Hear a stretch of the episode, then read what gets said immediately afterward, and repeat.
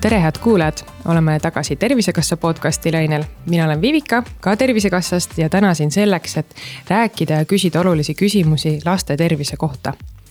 Hea tervise vundament rajatakse ikka lapseeas ja laste hea tervise ning arengu huvides tehakse lastele tegelikult Eestis ka regulaarselt tervisekontrolle. paraku ei jõua sinna paljud lapsed millal ja miks tuleb lapsega ikkagi sinna tervisekontrolli minna, mida seal täpsemalt tehakse, sellest täna lähemalt räägimegi. ja uurin ka seda, kuidas siis lapsevanemad saavad ise oma lapse tervist paremini jälgida ja hoida. Saatesse olen täna kutsunud sellel teemal rääkima perearst Jana Ingeraineni ja minu kõrval istub ka Terve Lapse teenusejuht Tervisekassast, Margit Savisaar. tere tulemast saatesse. tere. tervist ma alustan siis kohe sellest, et mis seisus üldse on Eesti laste ja noorte tervis? Mm, paraku on Eesti laste tervis Euroopa Liidu kehvemate seas, et eelmisel aastal viidi läbi taas Eesti koolilaste seas tervisekäitumise uuring, milles siis osalesid viiendate, seitsmendate ja üheksandate klasside õpilased. ja sealt siis tuli välja, et kolmveerand noortest on oma tervisega rahul, aga see rahulolu on viimase nelja aastaga langenud et kui näiteks kaks tuhat kaheksateist aastal hindas circa kaheksakümmend neli tüdrukutest oma tervise heaks või väga heaks, siis möödunud aastal oli neid seitsekümmend üheksa protsenti. ehk et langus on viis protsenti. Poiste puhul langus nii suur ei olnud, oli siis kaheksakümne üheksalt protsendilt kaheksakümne kuuele, aga siiski langustrendis äh, uuriti ka, mm, kuidas lapsed ise hindavad või, või tunnistavad tervisekaebusi ja kahjuks igapäevaseid, igapäevaseid tervisekaebusi esines koguni pooltel tüdrukutel. neli aastat tagasi oli see protsent nelikümmend, nii et kümnel protsendil taas tõusnud. poistest esines igapäevaseid tervisekaebusi kolmandikul. nii et need numbrid, ma arvan, kõnelevad enda eest mis on meie laste tervise suurimad mured, et Diana, mida sa näed arstikabinetis ja Margit, mida näitavad andmed? ja et ma isegi tooksin, et mida ma näen koolis, et äh, on siis äh, Ruila põhikool, äh, mis asub Harjumaal, Ruila külas, kus ma olen olnud kooliarst aastast kaks tuhat kaheksa. Ja tollel ajal, kui ma astusin kooli siis toimus suur sigin-sagin, lapsed äh, jooksid, äh, kõndisid, liikusid. nüüd, kui ma astun kooli, siis on suhteliselt vaikne olukord. Äh, pigem seistakse seina ääres, kõikidel on välja kujunenud luige kael ja kõik on nutitelefonides.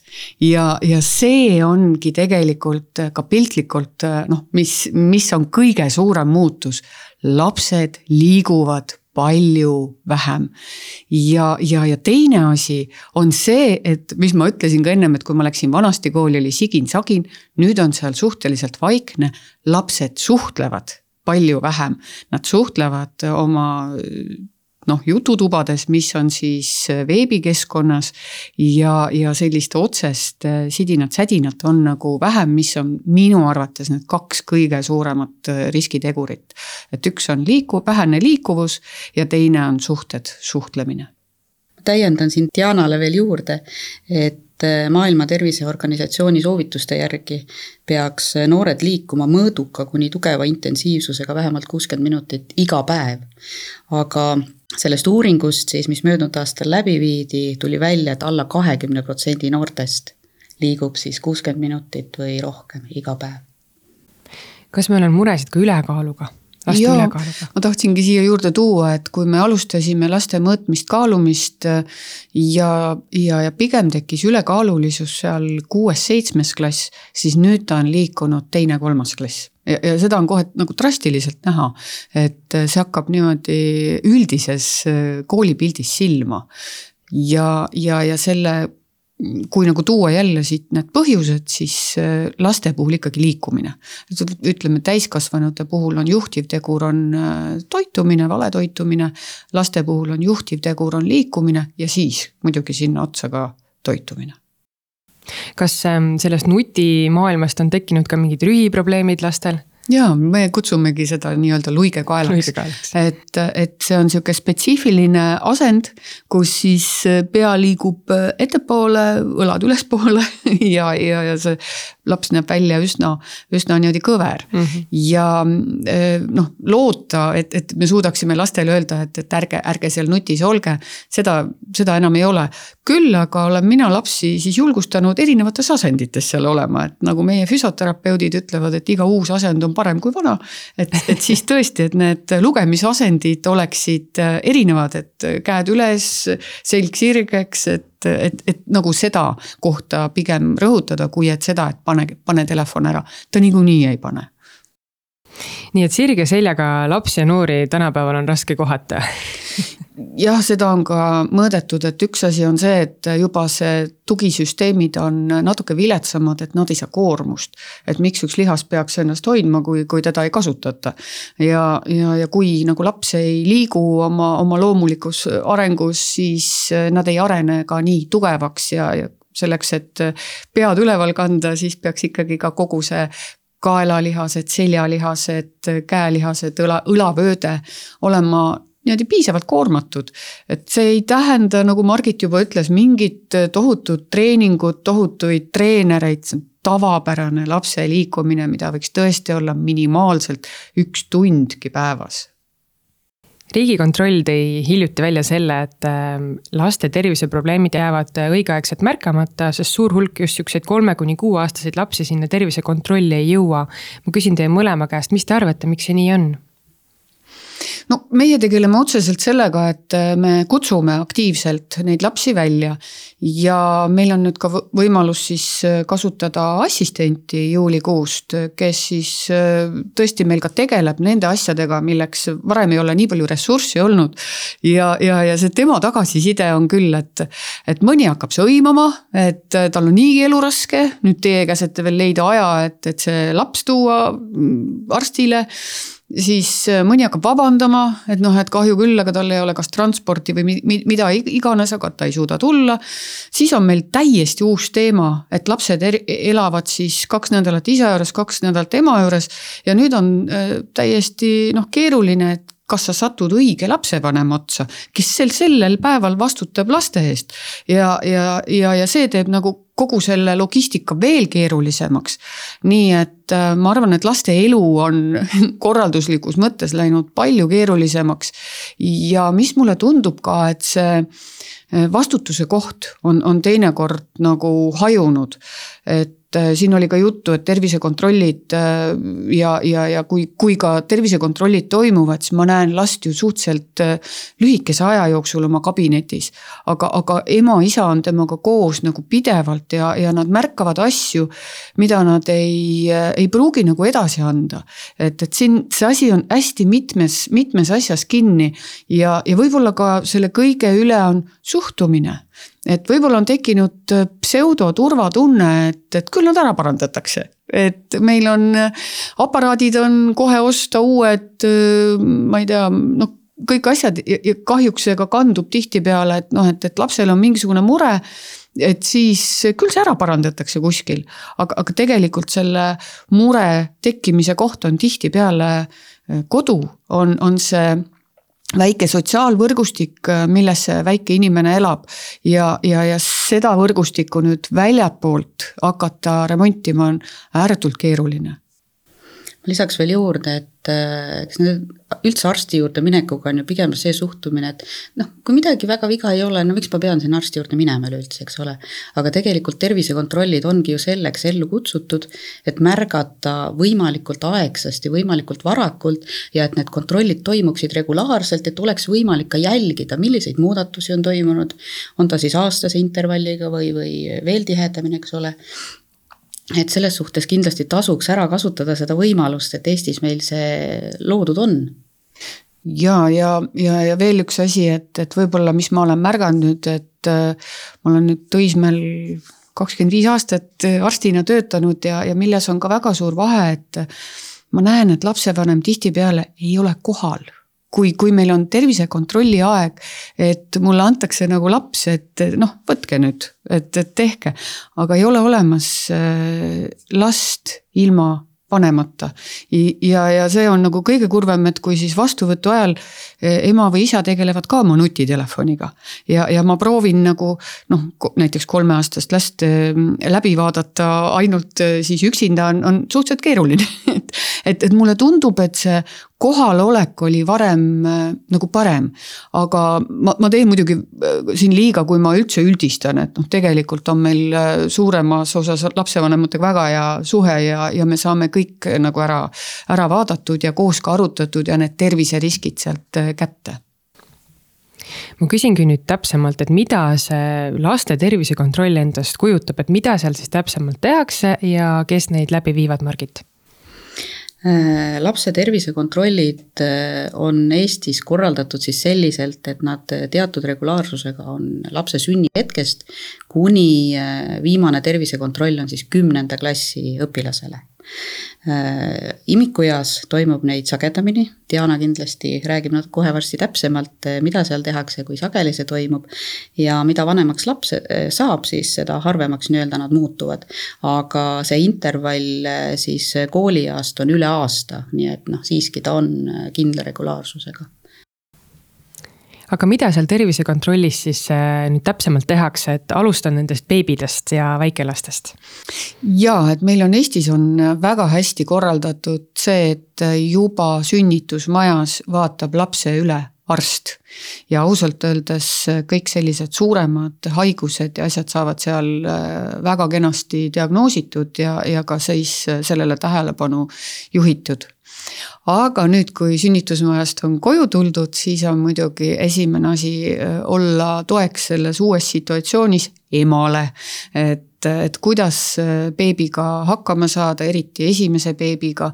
et see roll on äh, pereõdedel väga suures osas ja, ja ma ütleks, et see nõustamisvajadus on kasvanud, sest et põlvkonnad elavad lahus.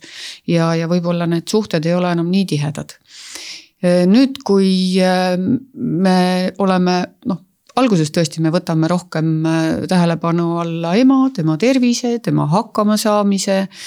loomulikult vaatame ka beebi olukorda, et kuidas on tema tervisenäitajad, kuidas on tema kasv ja, ja, ja areng, et et kas õigel ajal on pea hoidmine, kas on kontakt silm, silmakontakt, kas on kuulmine aga eh, võib-olla, mis praegust ma siin rõhutaks, et, et eh, jällegi tuleks nende emade juurde, et väga palju on vaimse tervise probleeme, on sünnitusjärgseid depressioone.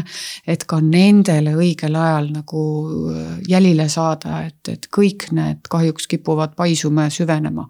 nii et laias laastus, mida me laste puhul vaatame, on siis nende eh, areng nii füüsiline kui vaimne ja me vaatame ka, et kas laps on turvalises keskkonnas. et kas, kuidas on ema tervis, kuidas on isaga suhted, kuidas on see nii-öelda hakkamasaamine uues situatsioonis, kui see laps on kodus kas nende väikelaste tervisekontrollide käigus tehakse lapsele ka mingid vaktsiinid ära, et ja millal neid tehakse? On see eraldi käsitletav, et tuleb aeg panna või on see tervisekontrolli käigus tehtav asi? ei, meie proovime küll need asjad teha ikkagi koos ära, et, et võimalikult vähe ka seda perekonda koormata nende otseste logistiliste probleemidega, mida, mida selles, selles eas ju jagub. et äh, on siis täpselt Eestis olemas vaktsineerimise kalender, mille järgi me vaktsineerime. Äh, ja ma tahan siinkohal rõhutada, et, et Äh, see kalender ei ole nagu selles suhtes ka nüüd äh, päris kivisse raiutud, et, et kõik oleneb ka äh, beebi tervisest, ema tervisest ja, ja, ja me saame siin teha väikeseid ajalisi nihkeid. küll aga on eesmärk, et tõepoolest, kui toimub viimane siis tervisekontroll seitsmeteistaastastel, ta võib ka olla kaheksateistaastane juba, et, et see ei pea jälle olema nii kivisse raiutud, et siis oleks kõik kõik laste vaktsineerimiskalendri järgsed vaktsiinid ära siis vaktsineeritud. ja, ja, ja see kalender on kõikidele kohe leitav ka äh, internetis, et on Eestis siis kokku lepitud, et kuidas toimub laste tervise jälgimine, mida jälgitakse, mis ajal vaktsineeritakse ja on koostatud lapse tervis, lapse kuni siis kaheksateistaastaseks saamiseni tervise jälgimise juhend. ja see juhend on kõikidele kättesaadav ja mina väga julgustan inimesi ennem äh, vastuvõtule tulemist ka sellega tutvuma, et siis ta teaks, et mida sellelt äh, vastuvõtult oodata. Ja ma olen nagu märganud, et kui on vaktsineerimisega koos, mis on siis kolmas elukuu, neli pool kuud, kuues elukuu, aasta, et siis nagu lapsevanemad on juba väga pinges selle süsti pärast. Uskuge, see süst ei mõjuta kuidagipidi selle lapse arengut ega, ega lastele see ei ole nii suur probleem, kuivõrd emadele ja, ja kuna ma olen ise ka kahe, kahe poja ema, siis ma tean, mis tunne tuleb, kui, kui noh, keegi nõelaga läheneb äh, mu, mu pojale. aga, aga et need hirmud nagu ka ennem lahti rääkida ja ära mõelda, et sellepärast ei tasu jätta oma last kaitseta. sest me vaktsineerime ainult nende haiguste vastu, mida me ei oska ravida nii, me oleme nüüd mõnda aega rääkinud sellest, mis tervisekontrolle tehakse perearstikeskuses. ma küsin siia vahele, Margit, et millal tuleks lapsega külastada hambaarsti? hambaarsti külastus on äh, paraku meil Eestis ka üks hell teema, et äh, teatavasti kuni üheksateistaastastele on äh, laste hambaravi tasuta Haigekassa, Tervisekassa toel ja esimese visiidi või, või üldse siis äh, hambaarsti külastamise peale võiks tegelikult mõtlema hakata juba siis, kui hambad hakkavad lõikuma. ja ega siinkohal jällegi, kui käiakse lapsega tervisekontrollis, ka perearstid, pereõed vaatavad, hindavad suu olukorda ja kindlasti annavad ka soovitusi, et millal siis äh, peaks minema. kindlasti peaks käima enne kooli algust, enne kooli minekut. aga, aga soovitav on ikkagi iga-aastaselt lapsega külastada hambaarsti kasvõi sellepärast, et ta harjuks äh, hambaarstile suud avama, eks ole. ja, ja mida varem hakata lapsega hambaarstil käima, seda vähem tõenäoliselt probleeme esineb ja, ja seda seda rohkem nii-öelda laps suhestub ka selle hambaarstiga, ehk et tal ei teki seda hirmu, sest kui äh, taas minna lapsega siis hambaarstile, kui juba on äh, probleemid põhimõtteliselt see laps, tema jaoks ongi see hambaarst niisugune kole, kole inimene edaspidi, eks ole, ja, ja ta ka täiskasvanu eas võib-olla ei taha enam hambaarstile minna.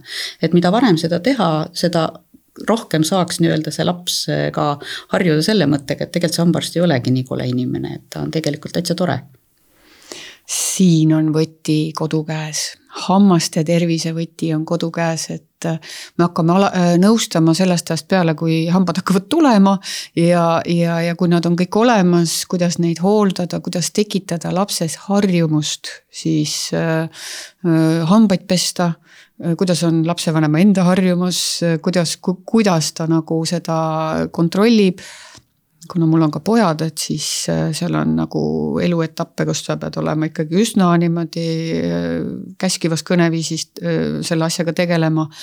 aga meie soovitame kõigepealt lapsega kodus mängida läbi, vaadata Jussike hambaarstil, teha nagu see mänguliselt karude, kutsudega nagu kodus läbi. et siis on juba märksa tulemuslikum äh, läbivaatus äh, perearstikeskuses ja ka hambaarstidel, et noh, mõelge, see ressurss on ikkagi väga piiratud. ja kui kogu vastuvõtuaeg läheb selleni, et noh, et, et ei saagi suud lahti, et siis on see kahjuks kõigi meie jaoks on raisus aeg. aga mina pean kiitma oma Ruila kandi lapsi, et tegelikult tegelikult, kui, kui midagi on hästi, siis hammaste tervis on kahekümne aasta vaates läinud paremaks. et kui vahepeal olid moes värvilised äh, plommid, siis praegu on jälle, ma ütleksin, siuksed beežikad toonid läinud ja aga, aga teine koht on see, et, et äh, kahjuks ei saa äh, kooliealisi lapsi kuidagipidi äh, me ise viia arstile ja, ja kui me märkame, siis me loomulikult anname sellest teada. aga nüüd on ikkagi võti on kodu käes, et, et kas kodu sellega tegeleb või mitte siinkohal äh, soovitan vaadata ka suukooli materjale, mis on internetis ka jälle kenasti olemas. seal on nõuandeid lapsevanematele, seal on mänge, seal on igasuguseid vahvaid animatsioone. nii et sealt te leiate kindlasti väga häid äh, soovitusi ja nõuandeid ja nippe, kuidas äh, see suuhügieen nii-öelda kenasti koduste vahenditega saaks korras hoitud ja, ja arstina ma keelaksin ära kõik pulgakommid tegelikult on, on siin tõesti toitumisel väga suur roll ja teine on nendel harjumustel ja, ja hambad, hammaste pesemise harjumus. nii et lapse suu on perepeegel? on.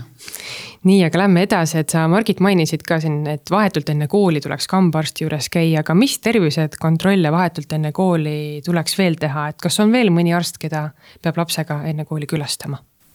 No enne kooli tuleb taas äh, perearsti poole pöörduda, teha nii-öelda koolieelne tervisekontroll. Ja see on ka seetõttu oluline, et äh, kooli astumisel siis tuleb nii-öelda ühe dokumendina esitada ka siis äh, lapse tervisekaart. Jaa, et tegelikult on meil silmaarstidega väga hea koostöö ja silmaarstid ütlevad, et kõik haigused tuleks enne kolmandat eluaastat kätte saada ja, ja, ja kindlasti kui laps ei ole ennem käinud, siis kolmandal eluaastal külastada silmaarsti. väga oluline, et, et sellel ajal on võimalik teha märksa tõhusamat ravi kui, kui hiljem aga nüüd need lapsed, kelle me testime ise ära, et enne kooli, et kellel on nägemisega probleeme või mitte. ja need, kellega meil vähegi tekib kahtlust, me suuname uuesti. et laste nägemine on, on väga oluline. ja teine on muidugi siin juba eelpool nimetatud hambaarst, et, et oleks ikkagi sellel asjal ka pilk peal nii et aegsasti enne kooli tasuks perearsti juures ära käia, et juhul kui ongi mingid probleemid, et siis jõuab veel enne sügist äh, jälile ja tegeleda. just, ja mis ma siin tahaks rõhutada, et äh, terviseandmed peavad jõudma kooliõeni. et äh, tänapäevane variant on loomulikult, et nad jõuavad sinna tsentraalse tervise infosüsteemi kaudu. Aga kui on mingid tõrked, siis palun ärge pahandage kooliõdedega, kui nad küsivad ka paberit. et et äh, selleks, et las-, lapse tervist äh, süsteemselt äh, ilusti jälgida, on andmeid vaja mm. -hmm nii, aga kui me juba kooli tervishoiust rääkisime, siis Tervisekassa tegelikult sellist teenust ka rahastab, et Margit, mida see kooli tervishoiuteenus endast kujutab? Ähm, vastab tõele jah, et Tervisekassa äh, nii-öelda tervishoiuteenuste nimekirjas on siis ka koolitervishoiuteenuse rahastamine. ja, ja peab siis olema õpilastele tagatud koolitervishoiuteenusena kättesaadavus koolis. mis siis tähendab seda, et äh, nii-öelda igal koolil peab olema siis äh, kooliõde kui siis nii-öelda inimene, kelle poole õpilased saavad pöörduda, kes teevad koolis tervisekontrolle ja, ja noh, neil neid ülesandeid on veel rohkem, hiljem jõuame sellest täpsemalt rääkida. Ja põhimõte on siis selline, et juhul, kui äh, koolis on kakssada või rohkem õpilast, siis peaks äh, kooliõde äh, vastu võtma kooliruumides kui aga õpilasi on vähem või siis õe vastuvõtukabinet asub nii-öelda mõistliku jalutuskäigu kaugusel, siis ta võib vastu võtta ka nii-öelda eemal kooliruumides, no näiteks väike, väike asulake, kus kool on ühel pool tänavat või teed ja, ja perearsti vastuvõtupunkt, kus siis pereõde on ka nii-öelda kooliõe rollis, on kohe üle tee. et siis on tore ja lapsed saavad natukene liikuda ka vahepeal, et liikuda siis kooliõe vastuvõtule Diana, kuidas kooliõde õpilaste tervist seal koolis ikkagi hoida aitab ja milliseid tervisekontrolle siis kooli eas tehakse? ta on oma olemuselt äh, ennetus ta on, äh, kuulub palju nagu sinna valdkonda, et, et mis on need riskitegurid, mida me võiksime kätte saada õpilastel ja, ja kuidas nendega tegeleda. aga nüüd äh, tõepoolest, et, et kuidas õnnestub kooliõel äh, siis viia ellu oma, oma tervisekontrolle, vaktsineerimisi, esmaabi õpetamisi, see sõltub mitmest asjast, et Äh, esiteks koolipidajast, vallast, linnast, kus siis kohalik omavalitsus on mõelnud, et kuidas kooliõde saab vastu võtta. et äh, näiteks meil Saue vald siis on äh, tõesti ka panustanud, et meil on sada seitsekümmend õpilast, et meil oma kabinetti ei ole, küll aga me saame siis logopeedi ja psühholoogiga jagada ühte kabinetti, kus on olemas kraanikauss. et see on väga oluline, et need tingimused kus siis kooliõde töötab, on paljuski kohaliku omavalitsuse teha. ja, ja, ja need suhted koolipidajaga, kooliperega, et kuidas koolipere suhtub äh, siis oma kooliõesse on äh, väga olulised tegurid, et, et kuidas need vastuvõtud äh, õnnestuvad et ütleme, et kui on tõesti vähe lapsi ja, ja, ja nagu meie koolis, et kui on sada seitsekümmend last, et siis vastuvõtt on üks päev nädalas. et siis on oluline ka, et kõik last ümbritsevad tugiisikud, õpetajad eh, oskaksid märgata. ja kui on see suhe kooliõega ja kooliperega väga hea, siis uskuge, see info antakse edasi ja õde oskab ka täpsemalt, kui ta konkreetselt konkreetse lapsega tegeleb, nagu seda silmas pidada. koolipere arusaamine, kes on nagu meditsiinitöötaja, sellest sõltub väga palju. ja kooliõde on siiski ikkagi koolipere liige ta puutub õpilastega väga palju kokku ja tegelikult õpilased väga usaldavad kooliõde. et noh, see on ka see koht, kus jällegi see märkamine on, on taas laiem, kui, kui see on ainult õpilase õpetaja vaheline, eks ole. Ja siin on ka teised osapooled, et kooliõde mul, on küll kurb öelda, aga, aga tihtipeale jääb ka üksi selle lapse muredega. üks on see, et sa ei tohi tervisemuresid jagada. Ehm, sa tohid neid jagada sisuliselt ainult äh, lapsevanematega.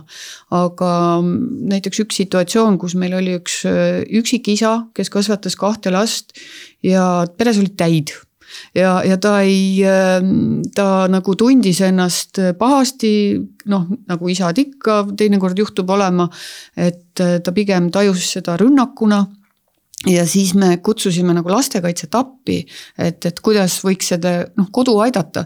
ja, ja lastekaitse noh, konkreetselt äh, ütles ära ja noh, lõppeks oli niimoodi, et äh, me perearstikeskusega ise organiseerisime need äh, täitõrjeravimid ja, ja, ja kutsusime ikkagi isa välja ja rääkisime temaga ilusti. aga, aga need situatsioonid, et kuidas need lahenevad, sõltub ka sellest, kuidas teised osapooled, lastekaitsjad, õpetajad no muidugi lapsevanemad, siis äh, suhtuvad äh, kooliõesse. et kas nad äh, näevad temas siis nii-öelda meeskonnaliiget, mis ta peaks olema tänapäevaselt, või siis ühte tülikat partnerit, kust tuleb nagu noh, lisategevusi siinkohal ma kutsungi lapsevanemaid üles kooliõega koostööd tegema, sest tegelikult ega kooliõde ilma lapsevanema teadmata midagi lapsega ei tee et äh, igaks äh, toiminguks tegelikult kooliõde küsib lapsevanema nõusolekut. on see tervisekontroll, on lapsevanema nõusolek jälle see, mis on vaja nii-öelda kooliõel selleks tervisekontrolli läbiviimiseks saada. vaktsineerimine samamoodi, et äh, ja, ja siin ka lapsevanemaid eh, nii-öelda kutsun üles, et kui ikkagi laps tuleb eh, selle nii-öelda paberilipikuga, et kooliõde saatis, andke nõusolek, siis palun andke see nõusolek, saatke see kenasti lapsega kooli tagasi kooliõele, et ta saaks need oma toimingud korralikult õigeaegselt ära teha. sest ega temal on ju samamoodi oma nii-öelda tööplaan on ees, mis ta ühe õppeaasta jooksul peab ära tegema ja, ja õppeaastasse mahub veel koolivaheaegasid ja asju. haigused loomulikult, mis võivad teatud tegevusi, näiteks vaktsineerimisi edasi lükata. et, et tehke koostööd kooliõega igati, et see teeb ka nii-öelda teil endal elu natukene lihtsamaks ja teie saate oma asjadega tegeleda ja, ja kooliõde siis oma, oma tööde ja tegemistega ja ma julgustan ikkagi ka küsima, et kui näiteks seesama HPV vaktsiin, et ta tundub võõras või et mis mõttes lapsele ja emakakaelavähi vastane vaktsiin, et küsige edasi, et ärge öelge nagu kergelt ei. et meil on tihti situatsioon, kus äh, tüdrukud ise on väga huvitatud ja ei ole meil seda nõusolekut olemas. et äh, me oleme küll ka proovinud äh, ja, ja Terviseamet tegelikult aktsepteerib seda, et kui me saame ka selle telefonitsi, selle nõusoleku. aga loomulikult kõige, kõige kindlam on, kui ta tuleks ikkagi paberi peal. ja, ja, ja me proovime nagu helistamisi siis ka uurida neid äh, hirme. Ja seal taga on äh, tihtipeale on libauudised, kuulujutud ja, ja nendel asjadel ei ole alust, et äh, vaadake numbreid, vaadake, kui palju need vaktsineerimised saavad haigusi ära hoida. Kuni seitsmeaastased lapsed saavad ka gripivaktsiini tasuta. keegi ei ole hiljaks jäänud, et kõik riskigrupid ja kelleks on ka siis alla seitsmeaastased lapsed, et kõike kutsun vaktsineerima nii et äh, kooliaja ülesanded jagunevad siis neljaks, et on see haiguste ennetamine seal, on see tervise edendamine, tervisekontrollid ja ka esmaabi andmine ja nende kooliõdede igapäevatöösse siis see kõik ka kenasti mahub. tuletan lapsevanematele veel seda meelde, et kooliõde teeb neid tervisekontrolle esimeses, kolmandas, seitsmendas ja kümnendas klassis õpilastele. et just siis on eriti oluline see nõusolek anda, et äh, kooliõde saaks laste tervise üle kontrollida. ja mida ta seal siis ikkagi teeb veel, kõigele lisaks on see, et ta mõõdab, ta kaalub, ta kontrollib nägemist, rühti ja ka nahaseisundit lastel, eks ole? Ja, ja tegelikult me kuulame ka südant-kopse ja vaatame kas lapsel on nagu mingisuguseid muresid, et see vastuvõtt äh, tegelikult sõltub ka sellest, kuidas on vastuvõtutingimused. ma olen ka niimoodi vastu võtnud, kus aeti terve klass äh, sinna väiksesse ruumi ja, ja väga keeruline oli seal nagu mingit vestlust teha. aga, aga praegu on need kindlasti olukorrad on, äh, olud on läinud paremaks ja, ja kui on ikkagi nähtavad sellised murekohad või, või, või laps on kurb, õnnetu, et, et siis me pöörame ka sellele väga palju tähelepanu. Hea kooliõde ka vestleb lapsega, just nimelt, et tuvastada neid, ikka neid tüüpilisi probleeme. kui palju ta ekraaniaega kasutab, mis kell ta õhtul magama läheb, millised ta toitumusharjumused on, et ikka selleks, et kõigepealt anda nõuandeid ja soovitusi juba lapsele endale. Ja, ja, ja on sellised asjad, millest lapsed ei räägi, et perevägivald et õnneks seda ei tule nii palju ette, aga seda peab Eesti riigis kogu aeg kuklas kandma, et meil on see olemas ja seda on äh, tihtipeale lapse siis naha pealt äh, füüsilises mõttes näha, et, et, et ka sellised asjad on, mis äh, noh, kooliõde siis näeb ja, ja reageerib vastavalt. Ma korraks põikaks veel tagasi nende kooli ja tervisekontrollide juurde, et sai siin äh, välja öeldud, et kooliõde teeb tervisekontrolle esimeses, kolmandas, seitsmendas ja kümnendas klassis, aga äh, nüüd kaks klassi jäid mainimata. nimelt siis üheksas klass ja viies klass, mil tegelikult siis tervisekontrolli viib läbi perearst. nii et siis tuleb pöörduda ikkagi oma perearsti poole, et ka need tervisekontrollid saaksid tehtud mm. -hmm üks oluline nüanss veel, et nagu ma aru saan, siis koolis tegelikult last ennast ei ravita, et kui midagi märgatakse, siis suunatakse ka see laps perearsti või eriarsti juurde, eks ju? noh, tegelikult see on nüüd natuke sihuke mustvalge nagu seisukoht, et äh, meil on küll olemas, on äh, valuvaigistid, mida tohib lapsele anda ja ausalt öeldes on ka kõik õpetajad ära nõustatud, meil on ka olemas sotsiaalpedagoog õnneks. et äh, kui on noh kooliõde ei ole kogu aeg koolis ja kui on ilmselged äh, sellised probleemid, mis võiksid saada käsimüügiravimitest abi, siis ausalt öeldes meie oleme selle niimoodi korraldanud. et äh, loomulikult ei tehta mingisugust väga sügavat ja, ja, ja nagu kunagi oli koolides, et, et ka anti ravimeid niimoodi süsteemselt aga sellised talupojatarkusest äh, tulevad ravivõtted on ikka lubatud mm. -hmm nii et lihtsamatele tervisemuredele a la peavalu, kõhuvalu saab kooliõed ka abi? saab küll. Ja väiksed vigastused ka.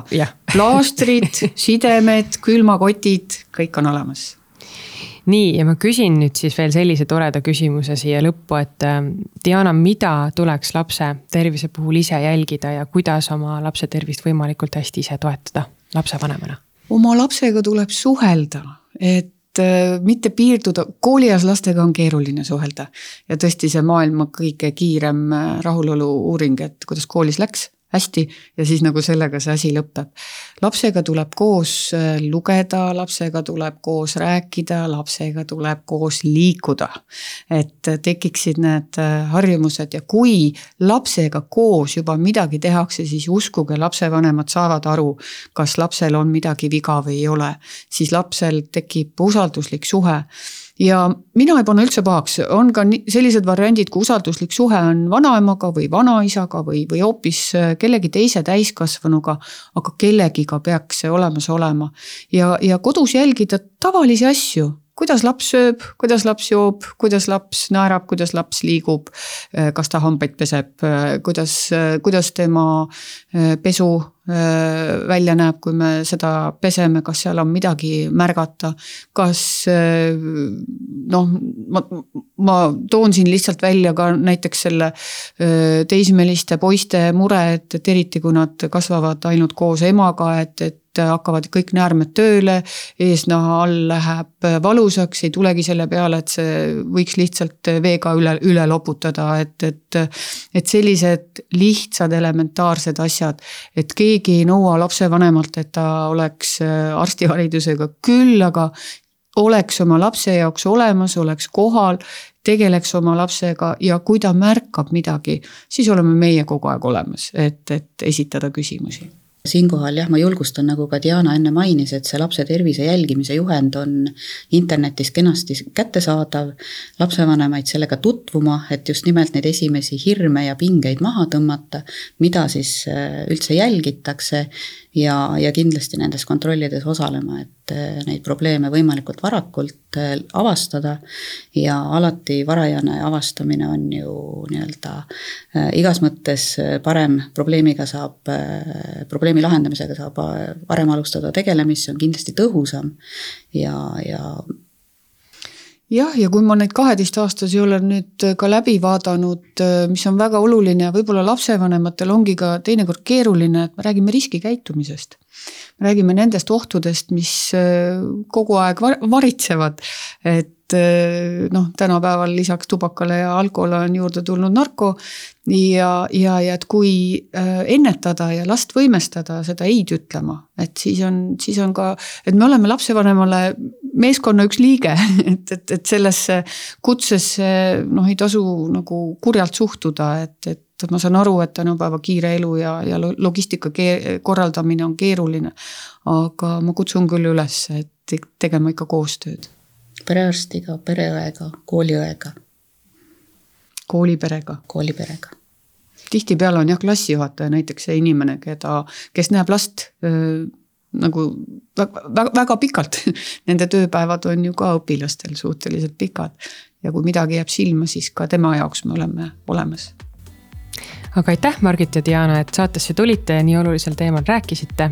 head kuulajad, olge terved, hoidke oma lapsi, märgake eh, nende tervisemuresid või üldse seda, kui rõõmsad ja roosad nad on või ei ole ja peatse kuulmiseni